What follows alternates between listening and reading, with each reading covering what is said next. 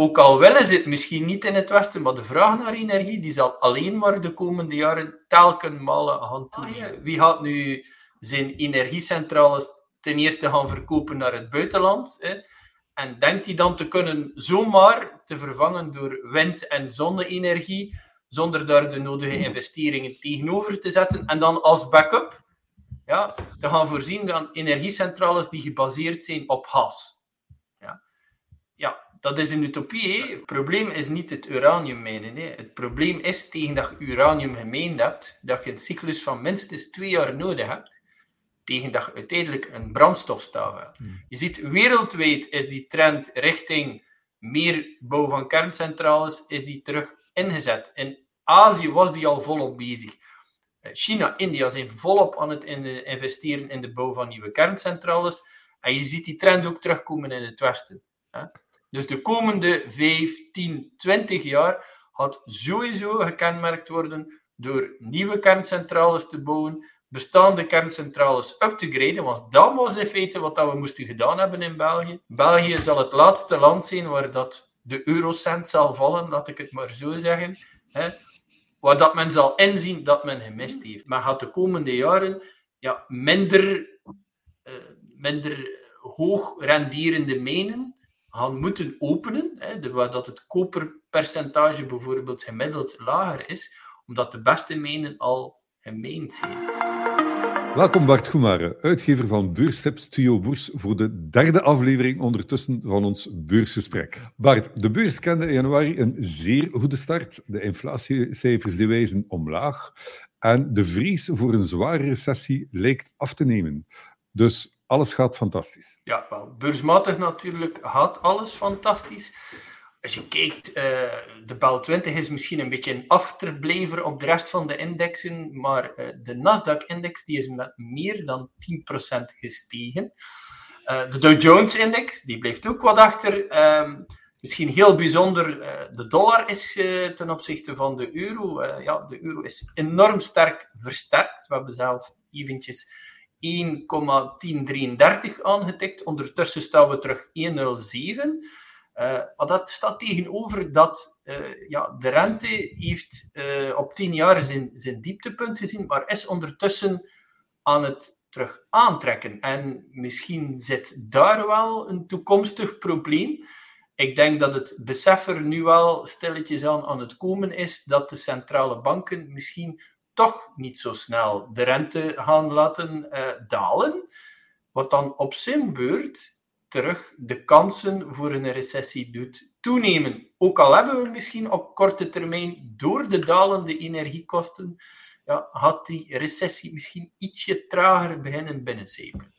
Maar de uh, rente die niet zo sterk zou dalen, is er dan nog altijd een verschil tussen de uh, Europese Centrale Bank en de Amerikaanse Centrale Bank? Want bij mij blijft het gevoel dat de Amerikanen veel minder schik hebben om de rente omhoog te trekken dan de Europeanen. Blijft dat? Of zie de Europeanen ook langer met een hogere rente blijven?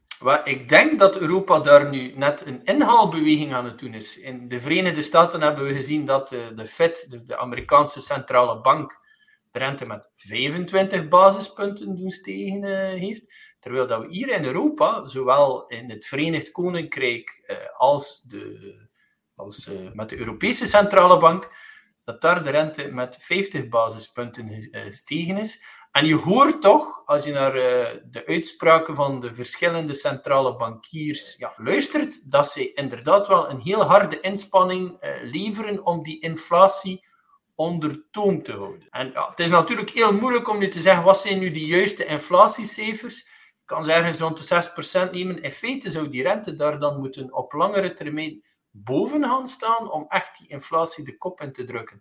Ja, als we een 6% basisrente hebben bij de centrale banken, is het nu in de Verenigde Staten of in Europa, dan denk ik dat voor beursbeleggers op korte termijn het er toch ietsje minder goed uitziet. Dus ik preek voorzichtigheid. Uh, over Europa gesproken. Gisteren was Zelensky in het Europees Parlement. Uh, en hij heeft daar uh, het een en het ander gevraagd. en het ziet er naar uit dat hij dat ook allemaal zal krijgen. En dat gaat dan over een, een aanzienlijke escalatie van het conflict in Oekraïne.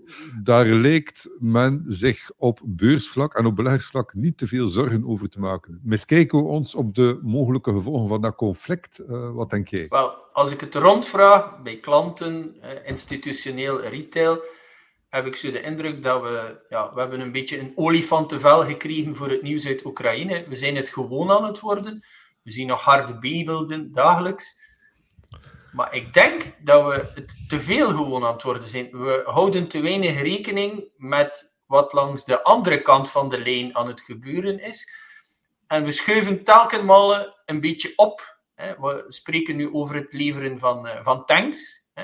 Wat is de volgende stap? Wel, we spreken dan over het leveren van gevechtsvliegtuigen. We zijn zover nog niet. Ja?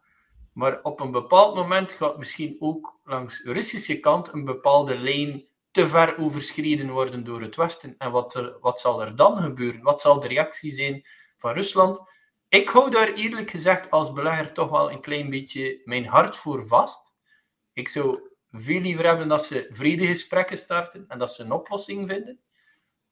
Maar ik denk dat we als, dat we het zo zeggen, als maatschappij en als belegger toch misschien een klein beetje moeten oppassen. Want het is aan het te snel aan het escaleren. Uh, wat ik mij dan afvraag, op welke manier kun je daar als belegger uh, reageren? Hoe kun je dat inbouwen dat er daar eventueel zou kunnen een calamiteit gebeuren? Is dat dan door cash achter de hand te houden? Is dat dan door inderdaad een, een, een, goede buffer met goud uh, aan te leggen. Uh, hoe, zie je dat? Hoe kun je nu best beschermen als kleine belegger tegen dit soort van calamiteiten die mogelijk kunnen gebeuren? Wel, het basis dat je kunt doen als belegger, sowieso dat je in feite altijd moet doen, dat is spreiden. Je mag niet te gefocust zijn in je portefeuille. Het tweede is iets wat wij al een tijdje aan het doen zijn, zijn is voor een stuk cash aan het opbouwen als er terug een zware marktcorrectie zou komen, uiteindelijk munitie hebt om dan toe te slaan als belegger. Dus 100% geïnvesteerd zijn, ik zou daar toch voorzichtig mee zijn. Eh, je kan natuurlijk ook defensieaandelen kopen. Het aandeel Rheinmetall is ondertussen verdubbeld, de bouwer van Leopard tanks. Uh, maar als je dat niet wil doen, wel, ik zou pleit sowieso altijd voor 5 à 10 houdt in de portefeuille, omdat dat uiteindelijk op lange termijn ook een goede buffer is op niveau van inflatie en ja, experimenten van centrale banken. Dus je ziet, uh, beleggers momenteel door de stijgende rente zijn een klein beetje afkerig terug aan het worden van het goud. Het is ook te snel gestegen op een bepaald moment. Dus je krijgt nu een lichte terugval. Wel, als belegger kun je daar wel even van profiteren om misschien je, je houtpositie of je houtmijnposities voorzichtig beetje bij beetje te gaan uit. Uh, we hadden het de vorige keer ook over eh, deglobalisering uh, en, en de deglobalisering die verder gaat. Uh, wat zijn daar de effecten op een portefeuille en hoe moet je daar als belegger mee omgaan? Ik denk die deglobalisering, dat is een feit, dat is een slinger die terug aan het keren is van het ene extreem van, laten we zeggen, bijna maximale globalisering en die slinger is beetje bij beetje aan het terugkeren en dan krijg je op een bepaald moment een versnellingseffect. Dat is heel duidelijk aan het gebeuren. Iedereen is terug muren aan het opbouwen rond de wereldeconomie, rond zijn eigen economie. Er is veel meer protectionisme dan vroeger. Je ziet het in de Verenigde Staten. Ze hebben de Inflation Reduction Act gelanceerd. Wel, het is heel duidelijk. It's America first. Trump zei het in de tijd. Biden herhaalt het nu niet met die woorden, maar in feite wil hij juist hetzelfde zijn. De absolute focus in de Verenigde Staten ligt op de eigen economie. En we gaan dat beetje bij beetje ook in Europa zien gebeuren. We gaan terug muren rondop, rond ons uh, optrekken. Ja. Nu, de grote vraag is, hoe ga je daar als belegger natuurlijk mee om? Ja. Ik denk, je moet verder kijken dan dat. Hè. Wat, we, in feite, wat is de grote trend? De grote trend de komende jaren wordt de evolutie versus uh, minder vervuilende energie. Ja? En daar zit het grote punt. Al, die, al die westerse landen, maar ook de Aziatische landen, gaan daar steeds meer gaan op inzetten. Ja? En je moet, denk ik, in die sectoren zitten waar je maximaal van die energietransitie gaan, uh, gaat kunnen profiteren.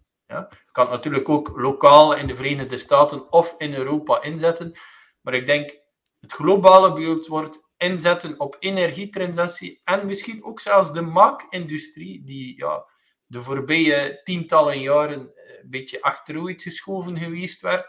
We exporteerden, al de fabrieken uh, werden verschoven naar uh, uh, het oosten. Hè. Die, die fabrieken, die maakindustrie, zal ook terug naar de westerse landen terug. Als we terug gaan onshoring doen en de fabrieken terug naar het westen gaan brengen, ja, die fabrieken gaan moeten gebouwd worden. Je hebt daarvoor een basismetalen nodig, je hebt daarvoor machines nodig uiteindelijk, je hebt daarvoor energie nodig. Ja. Dus ook al willen ze het misschien niet in het Westen, maar de vraag naar energie die zal alleen maar de komende jaren telkens malen gaan toenemen. En dan sluiten wij onze kerncentrale, tweede ondertussen, Tihage, is, is vorige week gesloten. En dan amper een paar dagen later uh, was er een pleidooi vanuit regeringspartijen die dus uh, voor de kernstop hebben uh, gepleit, om die centrales langer open te houden. Waar gaan we naartoe en waar moeten we ons aan verwachten? Want het, het lijkt erop dat de energiebevoorrading ver van zeker is. De prijzen die zijn eigenlijk nu al geëxplodeerd. Vergeleken met drie jaar geleden zitten we bijna aan het tienvoud soms. dus allee, hoe, hoe, hoe, kun je daar eigenlijk als, als uh, als, als industrie zelfs mee omgaan, dat je niet weet wat dat de prijs gaat zijn en of dat er voldoende energie zal zijn. Die, die sluiting van TH, wat is daar uw, uw, uw visie op? Ik denk dat mijn visie in het verleden al heel duidelijk was. Ik heb al meer dan vijf jaar geleden in, in beurstips geschreven dat we een uh, grote bende ja, zijn hier in België. Wie gaat nu zijn energiecentrales ten eerste gaan verkopen naar het buitenland? Hè? En denkt hij dan te kunnen zomaar te vervangen door wind- en zonne-energie, zonder daar de nodige investeringen tegenover te zetten. En dan als backup ja, te gaan voorzien van energiecentrales die gebaseerd zijn op gas. Ja, ja dat is een utopie, wat men gedaan heeft. En uiteindelijk, ik heb onlangs een artikel gelezen eh, van een econoom die zei, ja, de beste kernenergiecentrales die we kunnen hebben, is degene die al gebouwd zijn, want die kosten ons niks extra. Mhm. Waarom gaat men in godsnaam die gaan sluiten als die voor een vorm van basisstroom of basisenergie gaan, uh, gaan zorgen? Dat is de vraag die je moet stellen. Ja, en wat gaat die dan gaan vervangen door ja, energiebronnen die variabel zijn in productie? Ja. Ja, dus we hebben volledig verkeerd gedacht. Ja. Uh, politici hebben veel te veel op korte termijn gedacht, niet op lange termijn. En wat er nu aan het gebeuren is, staat al meer dan vijf jaar in de sterren geschreven. Ja? Hmm. Je ziet wereldwijd is die trend richting meer bouw van kerncentrales is die terug ingezet. In Azië was die al volop bezig. Eh, China, India zijn volop aan het investeren in de bouw van nieuwe kerncentrales. En je ziet die trend ook terugkomen in het Westen. Dus de komende 5, 10, 20 jaar gaat sowieso gekenmerkt worden door nieuwe kerncentrales te bouwen, bestaande kerncentrales up te graden, want dat was in feite wat we moesten gedaan hebben in België. Maar ja, bepaalde politici zaten met een, eh, met een dogma en ze moesten dat verdedigen. Ja, ze hebben duidelijk de foute keuzes gemaakt. En uh, ja, het zou niet meer naar normaal zijn dan uh, al die politici die daar voor gekozen hebben, daarvoor zwaar afgestraft worden. Uh, als er altijd maar meer kerncentrales gebouwd worden, dan betekent dat ook dat er een bepaalde druk komt op de prijzen voor de grondstof, voor uranium. Uh, ik las dat daar een besteltermijn is van twee jaar. Klopt dat nog steeds? En hoe variabel zijn die prijzen? Ik bedoel, als, als men er uiteindelijk toch zou voor kiezen om die kerncentrales langer open te houden, uh, volgens uw ervaring, want u volgt dat toch een beetje, die, die uraniumproductie en dergelijke, die uraniummijnen, uh, hoe, hoe, zit daar de vork in de steel? Het probleem is niet het uranium mijnen. Hè. Het probleem is tegen dat je uranium gemeend hebt, dat je een cyclus van minstens twee jaar nodig hebt, tegen dat je uiteindelijk een brandstofstaaf hebt. Ja.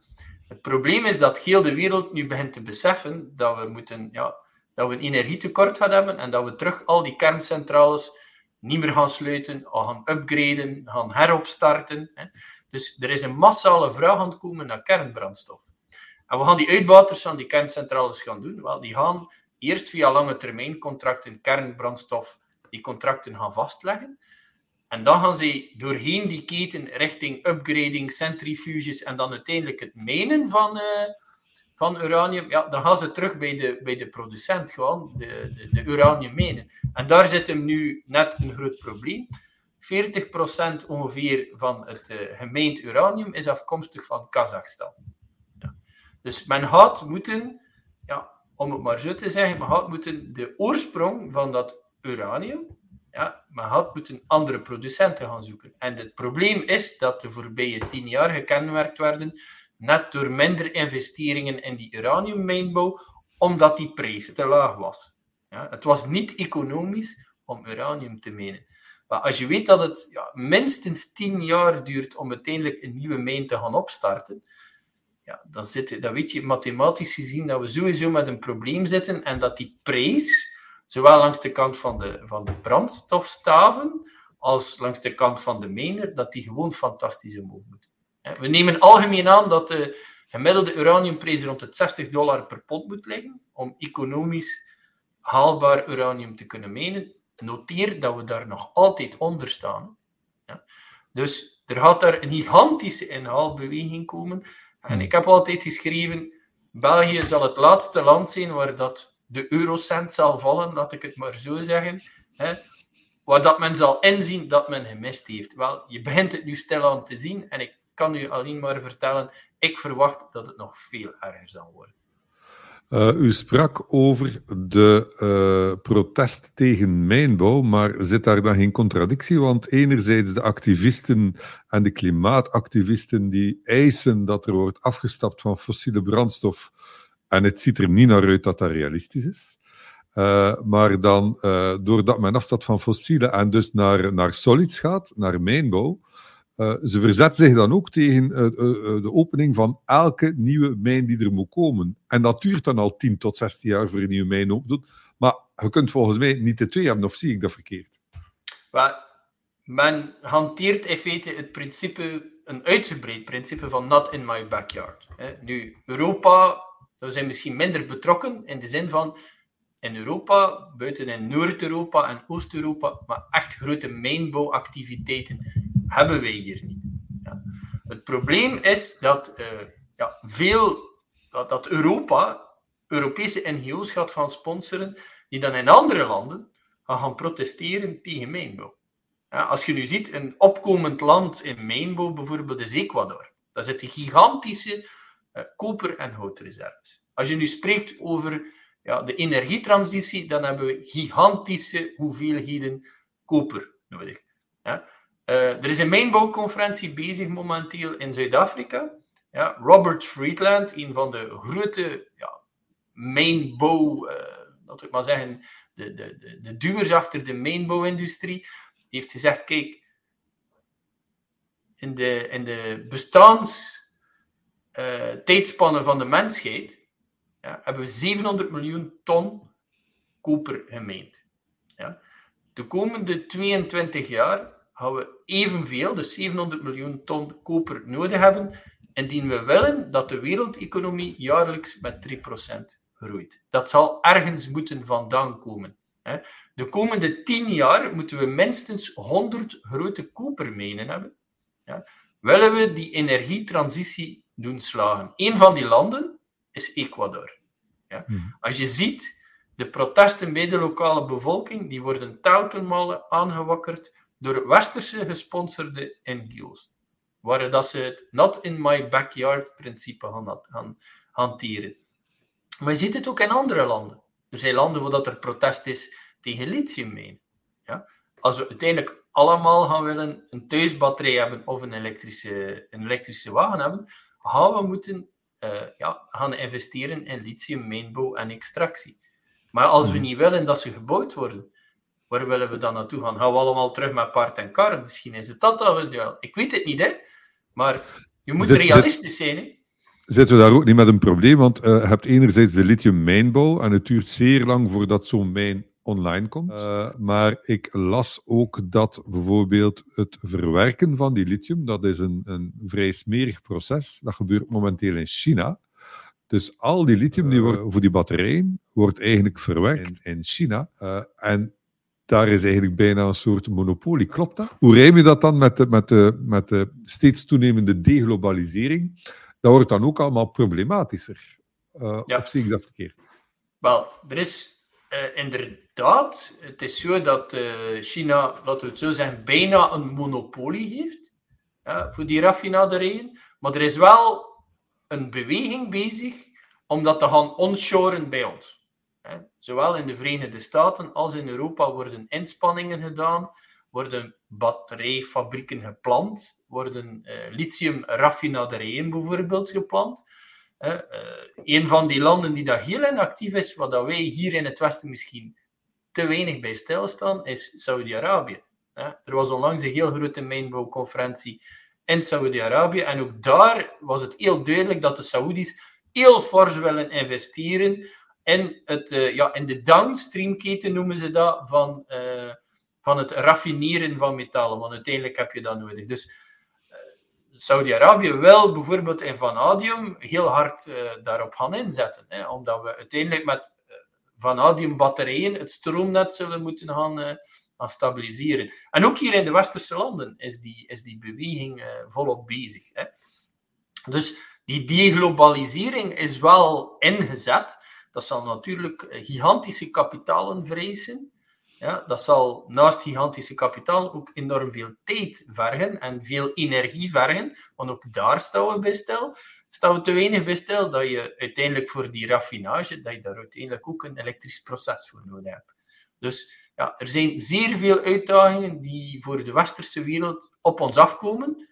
Als belegger, hoe speel je daar dan op in? Want ik denk dat het heel duidelijk is, terwijl dat we de voorbije tientallen jaren dat mijnbouw in portefeuilles te weinig aan bod komt, dat dat iets is die ja, een cyclus die volledig aan het omslaan is. En ik denk de komende 10 tot 20 jaar eh, een belegger die mijnbouwaandelen in portefeuille heeft, die zal daar gigantisch van kunnen profiteren. Ik uh, las een batterij voor een elektrisch voertuig, dat u ongeveer gemiddeld een halve ton weegt.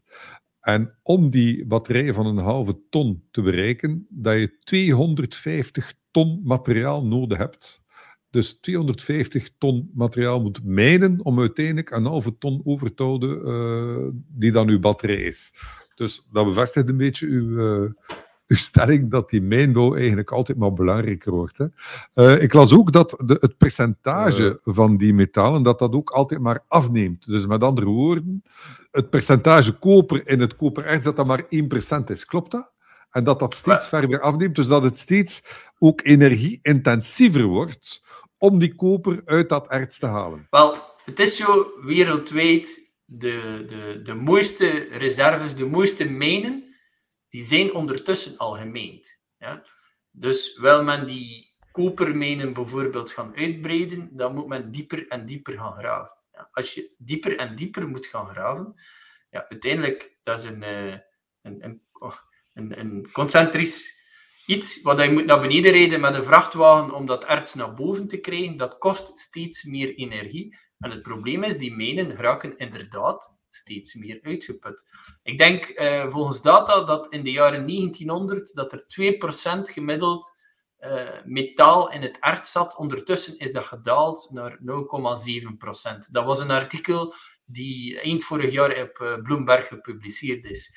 Is een trend die zich de komende jaren continu verder gaat zetten. Dus wat gaat men doen? Men gaat de komende jaren ja, minder, minder hoog renderende mijnen gaan moeten openen, hè, waar dat het koperpercentage bijvoorbeeld gemiddeld lager is, omdat de beste mijnen al gemijnd zijn. Ja. Hmm. Dus dat wordt een gigantische uitdaging voor heel die industrie om die grote hoeveelheden metalen naar boven te halen om die energietransitie te doen slagen. Wat daarmee ook doet besluiten dat de doelstelling van net zero tegen 2050 dat dat in feite puur praktisch compleet onhaalbaar is. Het is eigenlijk onhaalbaar als ik dat zo zie op heel veel vlakken. Uh, ten eerste sluit men de kerncentrales, waardoor dat een stabiele energiebevoorrading eigenlijk gehypothekeerd is. Door de sluiting van die kerncentrales en de afhankelijkheid van het buitenland stijgt ook de prijs op fenomenale manier, in de mate dat het een bedreiging is voor onze welvaart, want fabrieken hebben geen goedkope energie meer om te produceren. En BASF zegt al dat ze niet meer willen verder werken in Europa, maar in China. Dus het is een ondermijning van onze welvaart. En dan daarbovenop heb je nog eens dus dat de materialen om die transitie te maken, zijn gewoon niet aanwezig. Dus wij, wij zijn eigenlijk wij zijn eigenlijk op, op een muur aan het afstevenen, uh, zonder dat er daar een, een, een backup is. Of, of zie ik dat te dramatisch? Ik denk niet dat je dat uh, dramatisch, te, de dramatisch ziet. Ik denk dat dat volledig uh, correct is. Hè. Als je ziet dat wereldwijd de kopervoorraden op de beurzen, dat die historisch laag is. En dat is niet alleen voor koper, dat is ook voor zink en dat is ook voor andere materialen als je ziet dat de, door de investeringen in energietransitie, dat de piek, ja, dat die pas binnen een aantal jaren verwacht wordt, dus de piekvraag naar metalen, ja, dat, je, je, hebt niet veel nodig om, om mathematisch al te bewijzen dat de komende jaren dat we met gigantische tekorten gaan zitten. Mhm. Dus mensen die een huis gaan moeten verplicht renoveren van de overheid, die verplicht gaan moeten elektrisch verwarmen, die zitten met een gigantisch probleem. En dat is dat binnen een aantal jaren, als je dezelfde 50 meter koper, koperkabel zult moeten aanschaffen, dat die vele malen duurder zullen worden. Dus we gaan een soort van, ik noem dat klimaatinflatie hebben, ja, waar we allemaal gaan moeten op een of andere manier moeten leren leven, want die kostprijs van die metalen, die zal, we zullen dat allemaal rechtstreeks gaan voelen in onze portefeuille, omdat we verplicht gaan moeten aan energietransitie doen. Dus uh, kort gezegd, zo'n elektrische wagen, ten eerste gaat die wagen veel, veel duurder worden. In een elektrische wagen zitten zesmaal meer van die zeldzame metalen dan in een normale wagen. Die prijs voor die zeldzame metalen is de afgelopen jaar al verviervoudigd en het ziet er naar uit dat dat nog verder zal stijgen. Dus die elektrische wagens, de aankoopprijs daarvan zal enkel duurder worden. De energie waar die wagen op rijdt, zal ook enkel stijgen. Uh, en er zijn zelf vragen bij de bevoorrading.